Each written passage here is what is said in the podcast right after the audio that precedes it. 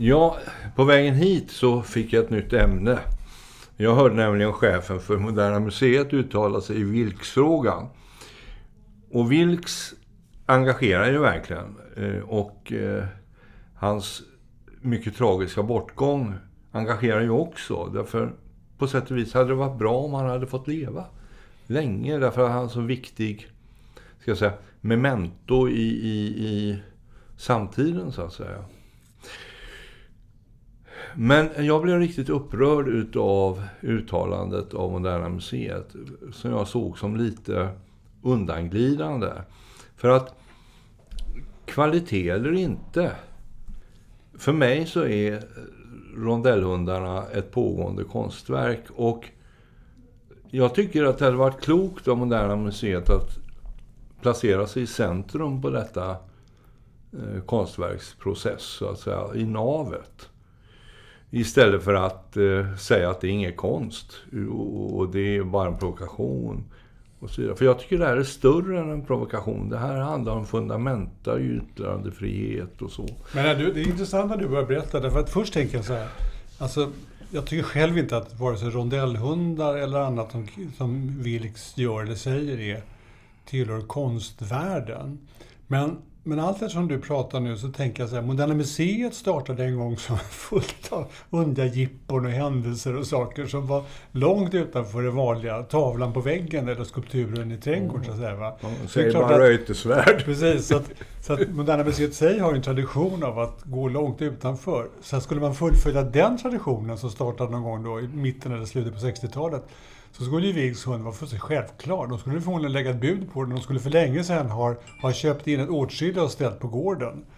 Så det är klart att de har avvikit från sin egen tradition genom att säga nej. Det är ju riktigt. Alltså, och hänvisa till att det inte är riktigt konst eller att den bara är provocerande. För det skulle ju då gamla Moderna Museet, om man kan kalla något för det, skulle liksom ha kastats över Vilks och hans hundar. Självklart. Ja, eller tagit skydd. Därför att det är faktiskt fullkomligt livsfarligt att omfatta Wilks hundar.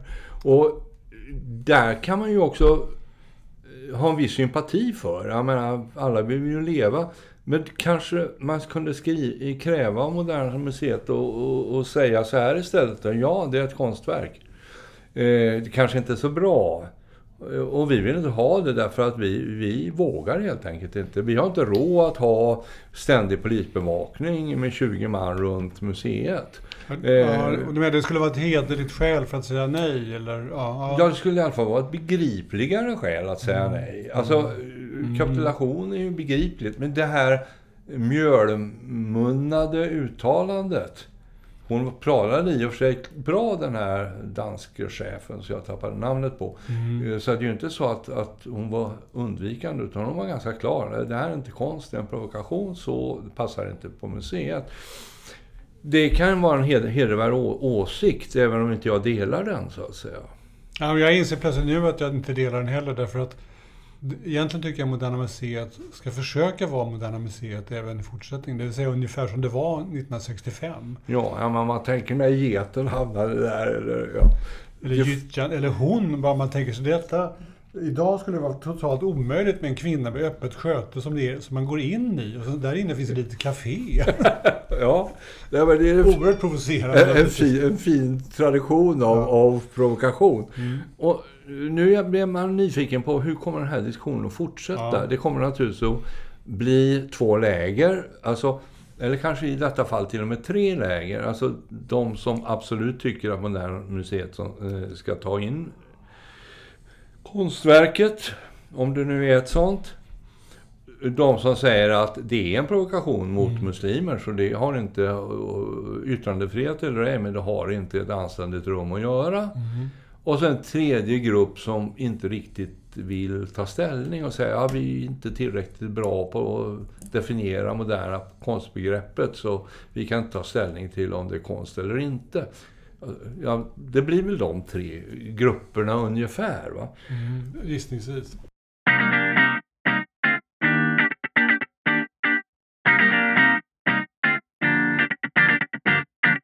Men, men Vilks är ju om man, om man lämnar Moderna Museet, vilket man tyvärr måste göra, vi får väl åse, åse det hela, se vad som händer mm. och egentligen bara För, för att jag, jag inser att jag är samstämmig med dig. Jag tycker det är synd helt enkelt. De, mm. de borde ha sagt ja. Och sen har, borde de ringt till polisen och sagt att nu kan ni hjälpa oss nu att ordna det här så att vi kan ha det här säkert för ja, oss och ja, vår publik. Ja, Men, ba, en, ja, fortsätt. En litet tillägg till om visst. Jag, jag håller med dig i din ska säga, inledande eh, instinkt att är Vilks en stor konstnär? Mm. Och jag omfattar ju rondellhunden som konst som ett multikonstverk, ett, en pågående modern diskussion om konst. Men huruvida Vilks är en stor konstnär, jag har aldrig liksom blivit gripen av Vilks som konstnär. Förrän bara häromdagen när jag helt plötsligt såg några fantastiska fotografier utav Nemesis med havet i bakgrunden och så vidare. Och inser att den här brädhögen som jag såg för 20 år sedan den har utvecklat sig till ett ganska magnifikt torn som står där mot horisonten. Och jag måste säga, jag blev nästan gripen av det. Det var för mig ett konstverk, utan tvekan. Det kan jag förstå, för att jag har ju också bara sett det på bilder och eh, inte sett det kanske någon bra bild sådär. Så jag har också tänkt på att det är, att det är mest brädor och sådär. Men, men jag kan inte låta bli att tänka på en sak som jag såg i Holland, eller hört talas om i Holland. Där den konstnär gör Uh, han gör um, rörliga brädhögar för att de är väldigt mer systematiskt uppsatta. Så att de rör sig i vinden som egendomliga trä, träelefanter på stränderna. De, lång, de långgrunda vattenstränderna. Och det var tekniskt sett intressant. Men det är klart att de är konstnärliga. De, de bullrar lite, lite grann och så mm. kommer de gående på något sätt, konstigt sätt ut med stränderna. Mm.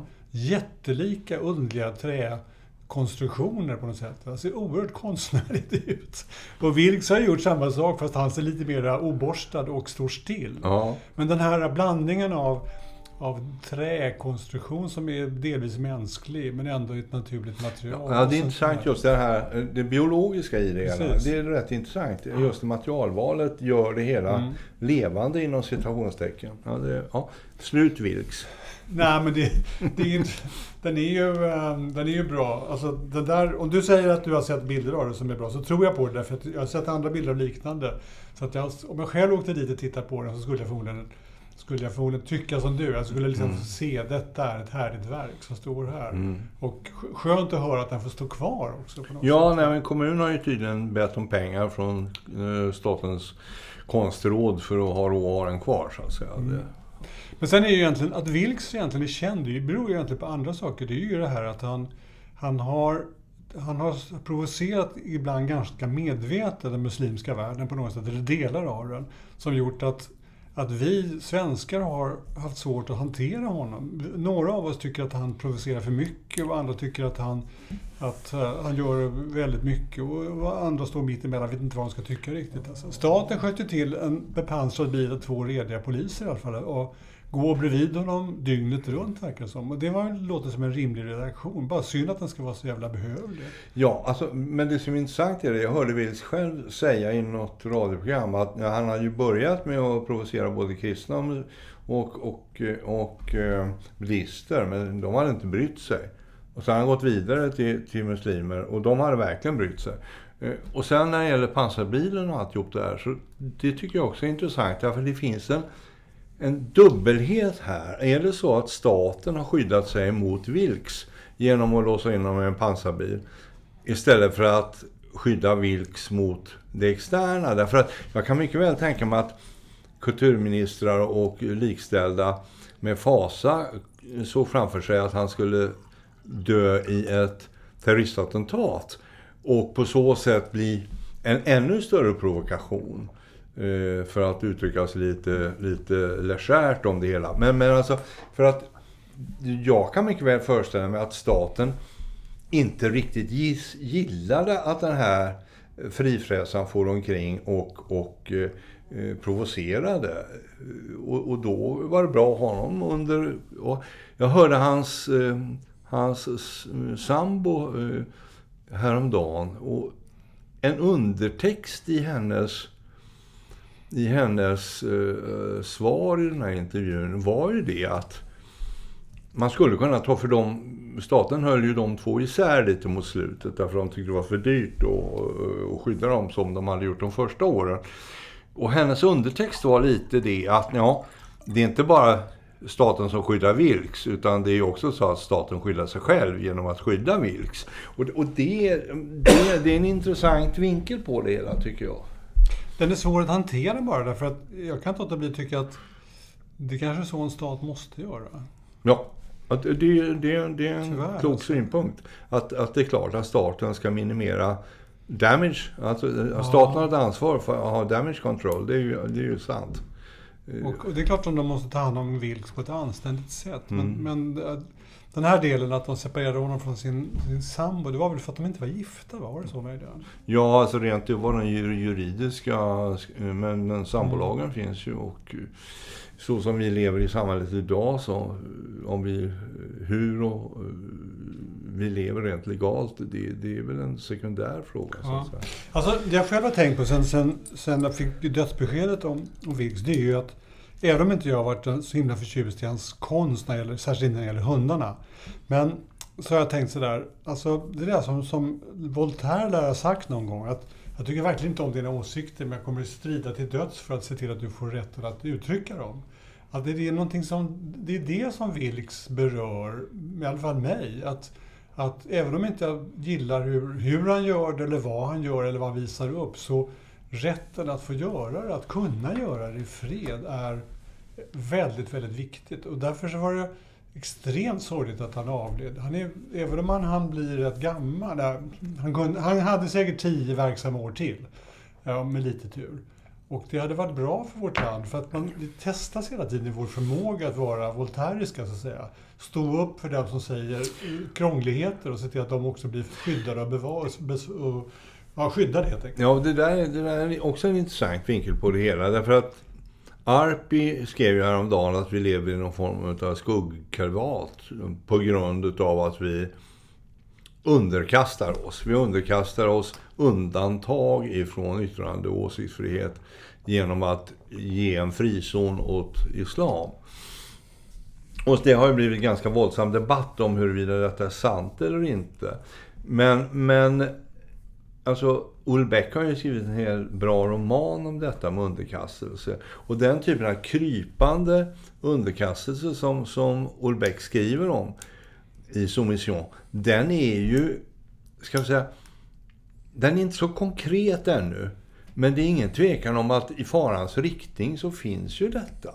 Alltså, vi intellektualiserar kring yttrandefriheten och så gör vi som undantag för snaskigheter, eh, provokationer, eh, felaktigheter, nazistanstrykningar, eh, alltså, och islam. Alltså, vi kan inte hantera det. Det är det som är problemet. Och, och, och den så moderata islam eh, kan inte hjälpa oss att göra det heller. va?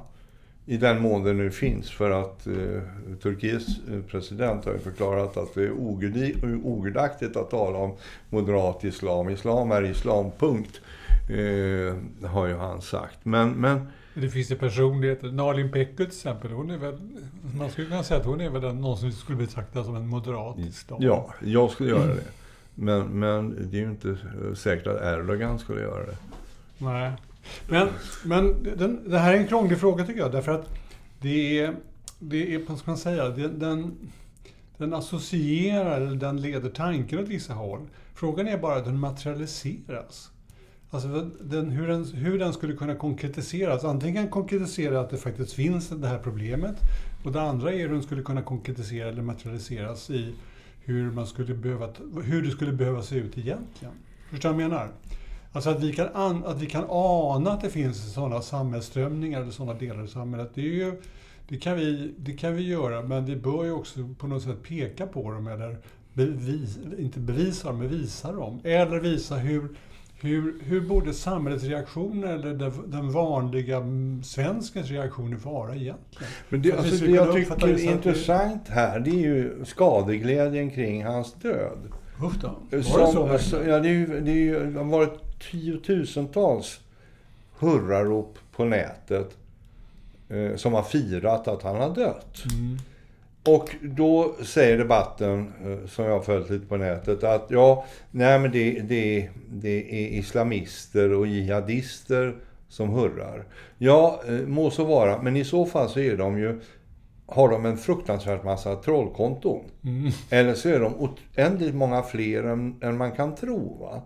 Och det som är konstigt är att de moderata muslimer då som har opponerat sig mot detta har varit extremt få.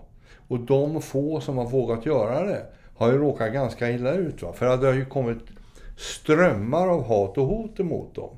Och det, det där är också någonting som man faktiskt borde, som journalist på Expressen eller Aftonbladet, gräva lite i. För att det är intressant för samhället att veta, är det så att vi har tio islamismer eh, med 10 000 konton som är väldigt flitiga med tangentbordet? Eller är det så att de är 10 000 stycken? Eller är det någonting annat? Va? Alltså på något sätt så... Den här ganska obehagliga reaktionen på hans död borde också analyseras. Nu gör väl förmodligen Säpo det, men, men det liksom... Det, det, är någonting här som, som skaver på riktigt alltså.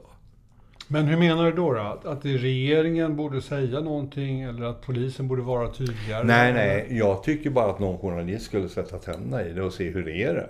Mm. Har vi så mycket, ska vi säga, islamism i Sverige som vi inte känner till? Eller har vi en kärngrupp som är extremt aktiv?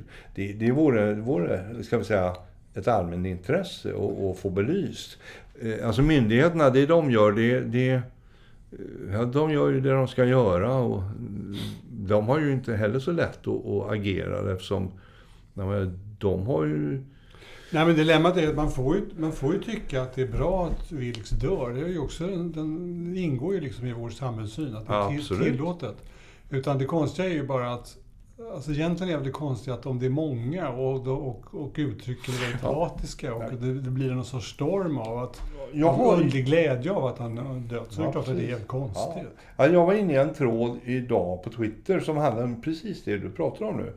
Det var en kille som skrev så här. Ja men acceptera att Vilks får göra eh, fåniga hundar.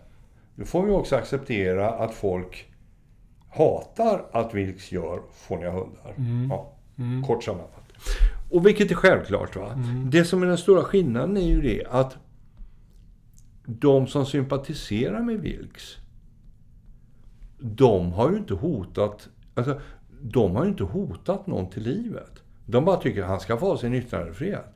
Medan många av dem som inte sympatiserar med vilt, de styr, de stödjer en form av fatwa mot de som omfattar vilts åsikter. Och end conclusion av den fatwan, det är ju att folk ska dö.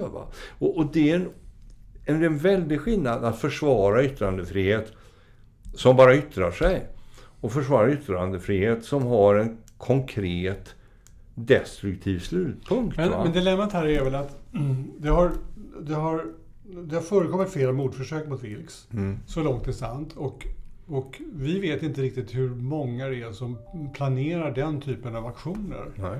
Och vi vet inte hur många det är som, som uttrycker hat mot Vilks eller glädje över att han har dött. Och problemet Nej. är att de som uttrycker hat eller glädje över hans död skulle de vara beredda att ta till våld? Det vet vi inte riktigt. Alltså, Nej, vi har svårt att bedöma Nej, precis. Och, och, och det är just därför det är så intressant att, att bena lite i det. Vi vet ju inte ens om Bill de facto dog i ett attentat. Eller i ett självmord. Vi, vi vet, nej, nej, nej, vi vet ju inte ens det. Va? Så, så, att alla möjligheter är öppna eh, när det gäller det här. Det enda vi vet att han är död och att det är väldigt tråkigt att det hände. Och att det hände på det här sättet. Eh, och debatten runt omkring den måste vi tillåta för vi har yttrandefrihet. Det är ingen tvekan om det. Och det är klart, det blir förbjudet först när någon av alla dessa som tycker att det var rätt att han dog är beredd att gå in och spränga Moderna Museet om de tar emot hans hundar. Ja, alltså dilemma blir så här. Om vi... Vi måste, förse, vi, måste, vi, måste tycka det an, vi måste tycka det var självklart att de som gläds åt hans död att de stannar vid det och inte är beredda att ta till våld. Mm. Eller hade varit beredda att ta till våld om man hade levt vidare. Mm. Och då skulle vi på samma sätt tvingas försvara deras åsikter att det är dumt med Vilks och det, det är dumt det han gör. Mm. Utan det är själva våldshandlingen som är det, som, det som, som strider djupt mot vårt, vårt rätts och samhällssyn. Så att säga, va? Men uttrycken är, får, får vara, sen får man inte vara för uppmanande till Precis. andras våld. Så att säga, va? Och, utan utan det, det, finns ju ändå en moralisk fråga i det hela. Det är ju att Nej, jag tycker inte om Vilks. Jag tycker han är dum eller jag tycker att han, han, han, han, han smutskastar min religion och sådana saker. Den personen som säger det och tycker det. Har vi ett moraliskt krav på den personen att dessutom hela tiden ta ställning till andras våldshandlingar eller olagliga handlingar? Det är ju ett dilemma. Därför att det skulle vi tycka om, om det var en regering som, som uttryckte sådana saker eh, så skulle vi tror jag, eller en annan person som satt i en mera eh, liksom upps, eh, en upphöjd ställning, så tror jag att vi skulle avkräva den personen ett moraliskt ställningstagande. Ja, men du måste väl ändå ta avstånd från de personerna som visserligen tillhör ditt parti eller som tillhör din, din, din syn på samhället, men som har gått över till våldshandlingar. Då måste du väl ändå säga att de, inte, de tycker du inte om. Så gör vi hela tiden med Jimmie Åkesson. Vi avkräver honom ett ställningstagande, att sätta någon gräns någonstans. Och, det, och det är väl inte helt orimligt på något sätt. Va? Och, och då är frågan hur vi ska göra här. Alltså vanliga privatpersoner, ska de då också tvingas ta ställning mot andra människor som tycker mm. mycket obehagligare saker än de själva gör är beredda att gå till handling. Nej, Men det är rätt svårt. Alltså, ja, det är. En privatperson ska inte göra det. Men man kan ju då och då tycka att någon centralt placerad imam kunde ta avstånd. Ja, för de har lite mer upphöjd ställning. Därför de, har, de är ju ändå rådgivare till mm. Mm. Eh, den troende muslimen. Och, och, där tycker jag, där, där har ju eh, islam en blind fläck. Va? Därför att det är nästintill omöjligt att få eh, de lärde i Qom eller, eller eh, de lärde på universitetet i Kairo att uttala sig i den här typen av frågor. Va? Att lägga ut fatwer när det gäller våld till exempel. Och, och och det, är ju en, det, det, det, har ju varit ett problem. Speciellt i Frankrike har man ju diskuterat det här rätt mycket. Alltså. Vad är det som gör att man inte kan få de moderata muslimerna att ta avstånd från jihad? Ja, därför att jihad finns i texterna och därför kan man inte ta avstånd från det. Därför att det står i texten. Sen kan man tolka vad jihad betyder, men man kan inte ta avstånd från det. Alltså, hela den problematiken. Är, hur gör de svenskar Jag har ingen aning hur en svensk human förhåller sig. De, de man ser, det är ju alltid de som är liksom snälla och går hand i hand med någon rabbin sådär. När det hänt något otäckt i Malmö eller någonting. Nej men alltså vi har ju haft några radikala i Gävle ja, ja. och, och sådär. Och, och, och, de har ju... Men de är ju på fel sida på något sätt va? Ja, mm, och, precis. Men att få de moderat de vanliga på något sätt, de där som inte hörs. Att ta avstånd aktivt, det, det är också förenat med fara och därför så godkänner vi ju att de är lite undflyende. Och det kan man ju förstå. Och sen finns det här med Shia och Sunni och vi har ju svårt jag kan muslimsk teologi för dåligt för att liksom egentligen kunna navigera i det här. För att det, den dimensionen finns ju också att om en shia säger någonting om en sunni så det, har ju det ingen bäring. Va? Så att, eh, och jag vet faktiskt inte vilka som är shia och vilka som är sunni. Alltså om man... Man skulle ju kunna se det på ett annat sätt och säga så här. Den, den, den muslimska terrorn i Sverige är förhållandevis liten. Ja, den är väldigt liten. Så, så vi skulle kunna hävda att det här kanske inte är ett dilemma för vårt land. Eller också så är det så att man måste säga att Nej, men så enkelt är det inte. Utan det är tvärtom så att Säkerhetspolisen har hela tiden ett röjningsarbete som vi inte riktigt observerar därför de gör det de gör det någorlunda effektivt. De röjer ut och ser till att folk lämnar landet eller håller dem inspärrade eller sådana saker. Och det gör att vi inte riktigt ser det hot som faktiskt finns. Ja, eller så finns det den tredje eh, möjligheten då som, som en del nationalister pratar om, nämligen att vi är en vilobas. Det är bra att bo här och leva här och att eh, alltså man ska inte kacka eget bo, så är det bättre att, att uppmana till, till våld i andra länder än, än, än här så att säga. Det skulle i så fall vara, det borde rimligen Säpo ha koll på i så fall. Ja, jo, sannolikt så har de ju det. Men, men alltså, det är, det är ingen, det är ingen, det är ingen lätt materia att navigera i. Och för att komma tillbaka till yttrandefriheten, är det så att om det helt plötsligt kommer fram ett clear cut case, att detta är verkligen värdefullt och detta är en viktig yttrandefrihetsform. Och det är ingen tvekan om att det är avgörande för landet eller att det är stor konst eller något sånt.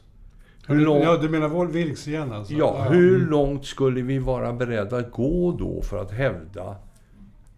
Skulle, skulle vi stå upp som en man och säga det här måste ut? Come hell or high water. Förklara, alltså det här måste ut. Du menar... Alltså, den här manifestationen ja. är bara en provokation i motpartens ögon.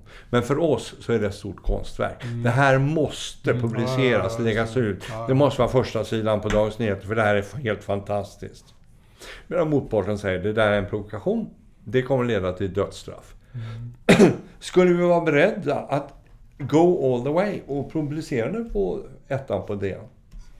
Ja, men Svenska Akademin är ju, har ju spruckit alltså på grund av det här. Ja. När, när Rushdies bok kom så ville man inte... Nej, det är inte riktigt samma sak. För det var så allvarligt var det inte. Det var mer att man inte ville ta ställning i frågan. Ja, man gjorde den intellektuella eh, lösningen. Man började diskutera eh, kvalitet, mm, eh, utgångspunkt, ja, eh, vikt och, och, så vidare.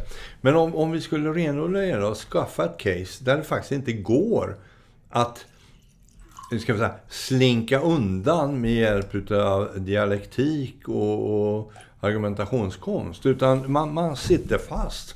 Här är det antingen så lyder vi och publicerar inte. Eller så står vi upp som en man och så kör vi det på alla ettorna. Mm. I, i, alltså, vad, vad... Ja, men hur många tidningar körde ettan på Charlie Hebdo?